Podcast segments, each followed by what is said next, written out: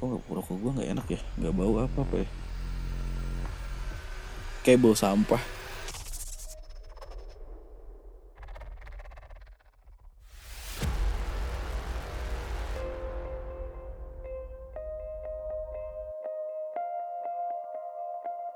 Hai guys, Eh, aku Tika, salah satu jurnalis di media nasional. Eh, podcast kali ini kita akan mengkritisi sebuah cerita-cerita mistis yang banyak sekali dialami oleh teman-teman jurnalis waktu meliput, waktu perjalanan bertugas dan menjalankan amanatnya untuk menyajikan sebuah berita. Pasti banyak hal yang eh, pernah dialami mungkin hal mistis, memalukan, bikin mungkin hal lucu. Oh ya, tapi sebelumnya gue kenalin temen gue, dia juga jurnalis juga dari media online jawapos.com. Hai. Halo, Halo. Dimas dan apa ya gue udah utang ya Tik ya kayak selama ini pengen banget gitu Ngobrol soal Berbagi setan ya. gitu ya. berbagi hal-hal yang kemudian ini sebetulnya ada nih sebetulnya misteri Berbau astral. Pasti hal seperti ini banyak sekali dialamin Banyak, oleh teman-teman.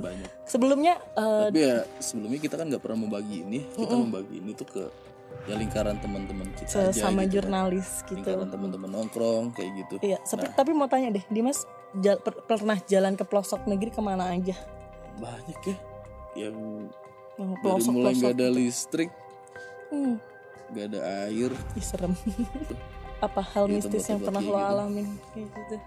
Ya kalau mistis sih setiap orang pasti ini beda gitu maksudnya kayak wah nih satu orang mungkin dia akan merasakan bahwa wah gue kayaknya ngerasain ada hal janggal ya di sini tapi ada orang lain yang juga ah gue biasa aja gitu.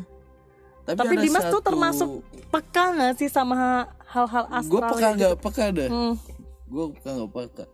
Tapi yang jelas gue selalu percaya bahwa itu ada. Dan gue kadang merasakannya juga untuk sekali beberapa momen gitu. Hmm. dan ya ini nih ini yang mau gue bagi nih sebetulnya ini di podcast lo nih. Jadi em, itu terjadi udah beberapa tahun lalu sih ya. Tapi ini cerita paling membekas banget paling gue inget banget dan sampai sekarang pun kalau gue harus membayangkan detail apa yang gue lihat gue masih inget di, Di mana itu? Itu di mana itu? itu di Bogor Di Bogor. di daerah Dramaga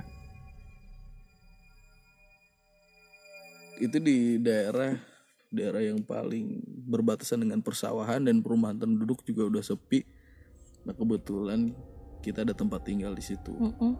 ada Itu serama kampung gitu apa? Kampung. Kampung. Banyak Kampung. penduduknya. Iya tidak sebegitu banyak di perkotaan ya. Hmm, tapi yang jelas belakang rumah gue masih sawah. Oke. belakang rumah gue di Bogor itu tuh masih sawah dan pohon masih hijau. Dan dari Bubulak naik angkot ke Dramaga itu naik angkot namanya kampus dalam Hmm. nah kampus dalam itu terus kemudian mentoknya ada di Balio. Nah dari situ gue jalan kaki sekitar 20 menit biar bisa nyampe rumah gue Hmm. Nah Buset, jauh. Buset. lumayan Jalan kaki. dari jari angkot gue jalan kaki ke rumah itu ada dua jalan satu jalan ganggang penduduk Hmm. yang cuma bisa dilalui oleh badan doang nggak bisa dilalui sepeda ataupun motor terus ada satu jalan emang agak gede yang emang gelap dan jarang dilalui oleh orang entah kenapa kejadian tahun 2006 ya? Dari bun- Eh, tapi gue bisa ngebayangin nih, nih ya kanan kiri sawah, kanan dikit udah empang, terus nggak ada lampu, Kampung jalan banget kan? setapak, iya Kampung benar-benar. kan? Gue pernah tuh pramuka begitu tuh, kampung banget. Dan itu 2006 masih banyak. Dan pemandangan suaranya kayak gitu di krek, Bogor. krek, krek gitu. iya kampung banget gitu. Hmm, terus? Malam itu gue balik sekitar jam jam 2 dari mana ke mana? Jam 2 gue habis dari Dari kota balik ke rumah gue kalau nggak salah gue habis rapat Mm-mm. habis ada mau yang dikerjakan gitu terus gue malam balik sendirian gue jalan kaki nah tiba di jalan itu em, jadi kontur di Bogor kan nggak datar kayak gitu Mhm, tahu tahu. Gue pernah ke sana sampai ke kan- Lewiliang. iya ada dataran tinggi dataran rendah dan jalannya naik turun gitu dan banyak tikungan sebagainya. Nah itu malam itu ya udah seperti biasanya biar nggak grogi gitu. Gue beli rokok bakar rokok sambil jalan. Ya mata gua nggak nggak ke mana-mana gitu kan udah malam. Ya udah mata gue lurus aja kayak sebagaimana gua jalan aja gitu. Mau balik. Biasa aja gitu sendiri ya. dan gua nggak ada pikiran apa-apa dalam artian bahwa ah takutlah ada setan gitu takutlah ada ini. Kak asli. Biasa aja jalan. Biasa jalan terus tiba pada titik rumah gua tuh udah jarak ya 50-60 meter karena di sebagian ada sawah jadi tetap gentengnya kelihatan gitu rumah gua tinggal gua melewat pinggiran sawah yang ini. Kayak gitu. Gua udah nyampe nih. Gua masih jalan aspal nih. Aspal. Tiba mau tikungan dari turunan. Mhm. jadi gua mau turun di tikungan. Tiba-tiba dari bawah itu ada gue bisa bilang itu perempuan ya? Kelihatan. banget. Pas brok kayak gitu yang bawa center atau apa gitu? nggak ada jadi begitu gua s- jalan truk truk tiba-tiba dari bawah kayak bunyi kaki di di diseret gitu Srek. Di depan lo kan berarti. pas itu? banget berpapasan berpapasan dan jalan aspal itu hanya dilewati oleh satu mobil artinya kan jaraknya Heeh, dekat.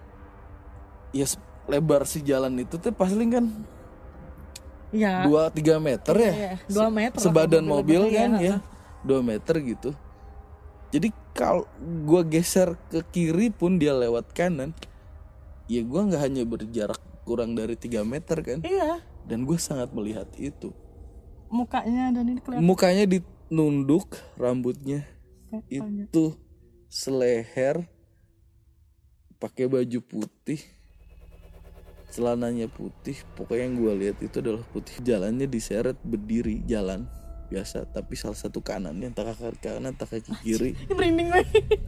diseret asli demi Allah itu Bilang, oh nggak ada pikiran apa? Nggak gini. Kalau misalkan tuh benar-benar orang, harusnya kan kelihatan dari jauh-jauh gitu kan. Iya. Ya kan tiba-tiba ada. iya iya entah kemudian jadi di tikungan itu ada satu rumah Hmm. yang kemudian kalau kita jalan dari atas dia kan turun ya tikungannya Hmm. Ya kita bisa nggak kelihatan Mm-mm. tapi setengah tiga itu kondisi yang sangat sepi penerangan juga nggak pede ini lagi. harusnya sih gua akan sangat dengan mudah 5 meter sebelum beramprokan itu gue bisa ngelihat itu Nah, ya kan iya benar-benar. logiknya kan seperti Iya. itu gue jalan tiba-tiba gue ngeliat kaget tapi gue nggak bisa teriak gue sadar gue orang kalau dikagetin bisa teriak Tapi, tapi ngelihat kayak gitu gue nggak bisa teriak itu kan kayak mimpi kalau gue pernah mimpi horor itu emang pengen teriak tapi nggak bisa. Kayak orang Iya- rep-rep iya gitu ya? Iya. langsung red gue ngeliat gitu Terus rasa lo dalam satu dua menit deh Hmm. gue lihat tak, tak, tak. di jalan diseret itu kedengeran suara kakinya. kedengeran Salah dan gua kan? ngeliat banget kenapa gue bisa bilang diseret. Ya karena gua lihat bahwa kakinya salah satunya diseret. Asumsi gue dia tuh perempuan secara badan dan perawakannya kayak gitu. Dia perempuan dia nunduk. Kok ada setengah tiga gua dua tahun tinggal di situ hampir dua tahunan lah. Lama ya. Itu orang tetangga ketemu atau siapa penduduk yang seperti itu kan. gitu Padahal kan kalau di desa tuh kan sangat gampang ada orang gila blok mana juga kita tahu kan Pasti kan kalau nggak lewat nyapa gitu kan. Iya. Ini lo nggak pernah nggak gue nggak pernah tahu gue nggak berani nengok ke belakang saat dia udah kita berpapasan gitu kan itu paling se se se- sejebret gitu doang. wah kita ngeliat jalan tek. entah kenapa gue nggak berani kemudian gue ngeliat ke belakang gitu penasaran ini siapa gitu gak tahu gue gak berani gue langsung. tetap aja jalan lurus balik. iya jalan lurus dan sambil lihat kakinya badannya. Ya lu bisa bayangin lah kalau lagi berpapasan di satu tikungan yang harusnya kemudian lu bisa tabrakan karena sama-sama di sisi itu lu pindah jalur dan lu berpapasan banget gitu. Tapi itu waktu itu firasat lo itu nganggep apa? Apa? Gue positif thinking itu orang gila orang gila. iya maksudnya Maksudnya kalau orang, orang gila di desa kenal dong. gak usah kayak, kayak gangguan jiwa atau Oh, apa gitu gue berpositif thinking itu Nggak waktu papasan nggak ada keinginan nyapa. Kalau biasanya kan kalau di desa mbak gitu kan. gak ada lah gila lu setengah tiga Eh tapi kalau misalkan itu kalau itu. misalkan itu gue itu bakal terjadi mbak mas gitu kalau misalkan nih entah kenapa gue nggak berani untuk nyebut lu gimana kaget kaget gue nonton horor bisa teriak-teriak oke tapi untuk kemudian gue mendapati itu secara langsung dengan visual yang seperti itu. Kaki diseret rambut sebahu mukanya ditundukin. Terus besok besok salah satu tangannya kemudian memegang pundak. Oh ya posisi itu tangannya di mana itu? Iya salah satu tangannya tuh jadi kayak megang pundak gini. Mukanya ditekuk. Jadi si tangan tuh nggak nggak nggak biasa kayak orang jalan gitu. Oke oke. Ada salah satu tangan kiri ya terus kakinya tempelin sakit di gitu ya. pundak gitu terus kayaknya kaki kanannya diseret sama si kaki kiri. Tapi dia berdiri jalan. Kayak gitu. Tapi sayangnya lo nggak sempet nengok ke belakang sih ya. Nah gue nggak berani tuh. Nggak tahu antara gue nggak berani dan gue mau udah males banget. Aduh siapa ini? Siapa gitu udah gue berasumsi itu. Udah. Jam 10 pagi gue dibangunin sholat jumat. Eh, makan siang. Itu yang bangunin siapa? Teman-teman di situ. Ha, ha, ha. Terus gue tanya-tanya di sekitar situ tik. Katanya? Di penduduk situ kan udah akrab ya kita di situ. Ada nggak warga sini RT atau RW sini gitu? Ya bentuknya kayak gitu.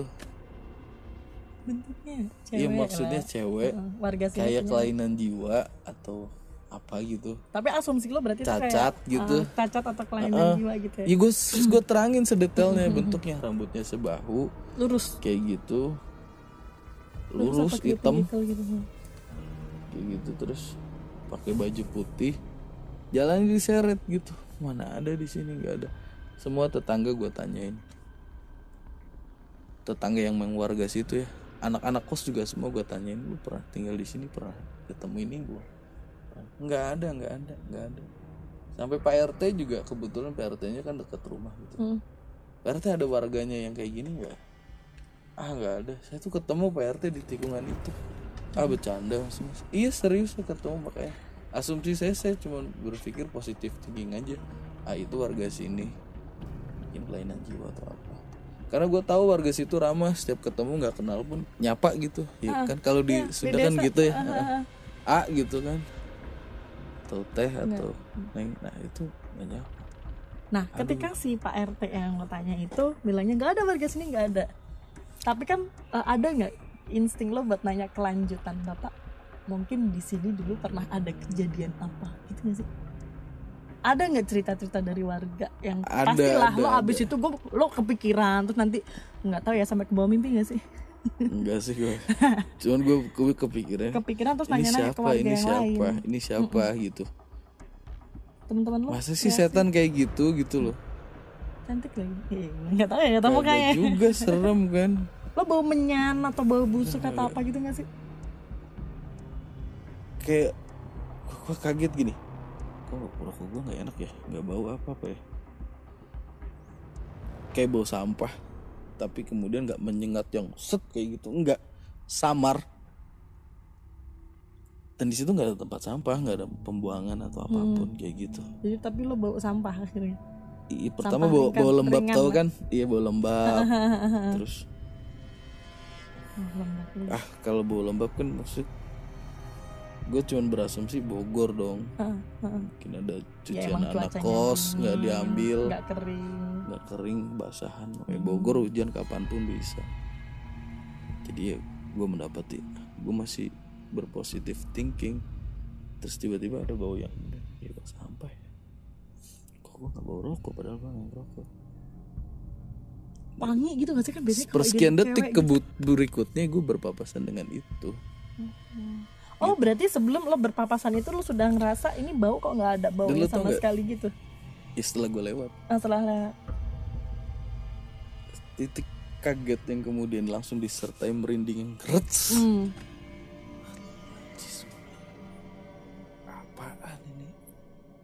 ya gue istighfar sih Astagfirullahaladzim Astagfirullahaladzim ya Allah apa ya Allah setelah kejadian malam itu kan malam ya, gua malam menjelang nanya-nanya. subuh kan nanya-nanya. nanya-nanya tuh. nggak Hasilnya nggak apa? hasilnya adalah nggak ada warga situ yang yang kayak gue ceritain Tapi gue kalau jadi lo berharap ada cerita lain, ada kejadian apa gitu. Iya terus kemudian gue ber- ber- bertanya lah bahwa "Eh, kenapa kok bisa gue mendapati hal itu Hmm. Kayak memang ada ada cerita-cerita yang kemudian sengaja disimpan. Yang gue rasain itu ya Tik ya. Oh, mungkin kalau dia cerita terus gue cerita ke yang lain itu daerah kayaknya nggak ada yang ngekos dah. Maksudnya nggak ada mahasiswa yang mau tinggal di situ. ekonomi bisa jatuh dong. Iya. warung bisa nggak laku. Kosan bisa pada sepi. Nah ya emang itu aja udah jarang yang ngekos di situ gitu. Jadi ketika gua tanya kayak ada hal yang disembunyiin. Hmm. ah nggak ada ah gitu.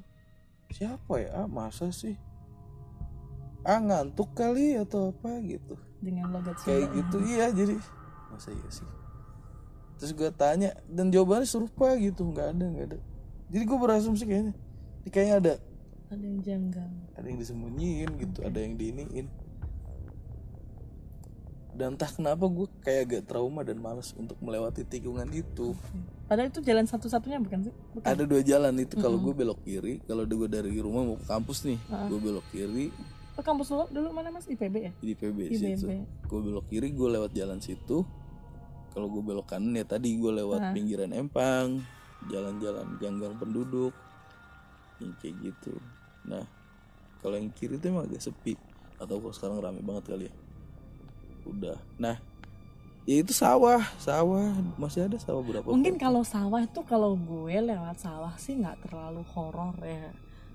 Horor itu di dekat rumah gue dulu di gue kan tinggal di Blitar kanan kiri kalau misalkan itu pohon beringin iya atau iya pohon bambu. pohon gede eh, eh, pohon bambu Ya, di situ juga Oh, ada, ada pohon bambu. Oh. Ada, ada, ada deket tikungan itu Hmm. ada pohon bambu, ada pohon gede, ada rumah yang kemudian catnya udah gelap.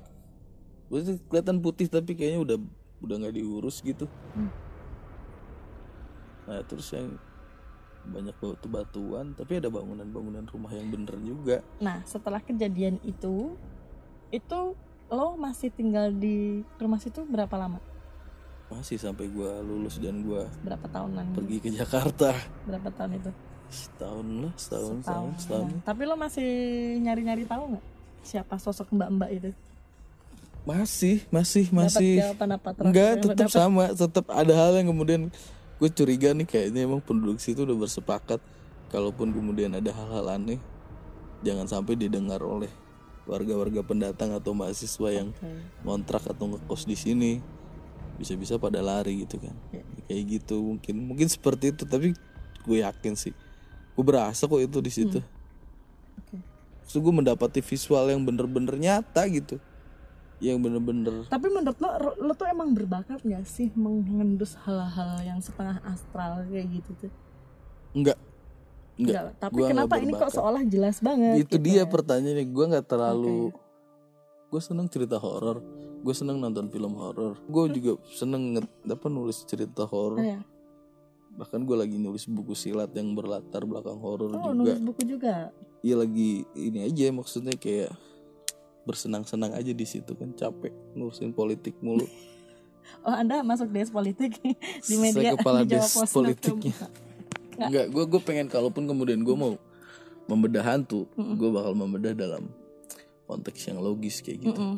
Menginvestigasi itu dengan cara yang lebih logis, Siapa, siapa tahu kan Kayak itu gitu. sebuah hal Bukan yang dengan- kriminal atau apa gitu. bukan cara-cara yang mistis. saya merasakan. ah, Kayak film-film itu. iya enggak kayak gitu, enggak lah gue Mungkin kayak di gini, dikupas kayak film-film luar negeri itu yang ternyata itu adalah imbas dari uh, Bisa jadi. pembunuhan atau yang Bisa melawan jadi. hukum kayak gitu kali. bahwa gue percaya ada arwah iya bahwa Iya. gue percaya ada visualisasi itu iya bahwa gue percaya ada sesuatu yang lain di samping kita iya. Tapi bahwa kemudian pembuktiannya harus dengan ya orang-orang yang kemudian oh saya kesurupan. Kayak gitu gitu. Saya nggak nggak minat gitu maksudnya tapi yang jelas bahwa masih banyak ya cerita-cerita horor lagi kayak gitu ya. Ya ini mungkin cuma satu dari banyak cerita Banyak perjalanan banget, jurnalis banyak yang mengalami hal-hal mistis Oh ya, ini. dan gue banyak mengumpulkan cerita-cerita horor dari teman-teman gue dari berbagai daerah. Ini menarik deh ini, ini untuk episode episode Iya, selanjutnya iya, iya. ini pasti patut kita bahas. Ya nggak? Ya? Yo Gitu. yo yo, pasti. Ah, tapi ini eh, masih satu ya eh, tentang kisah horor yang dialamin eh, jurnalis yang doyan melancong, doyan gak balik ke rumah, doyan melawan menantang alam atau mungkin alam yang berbeda juga.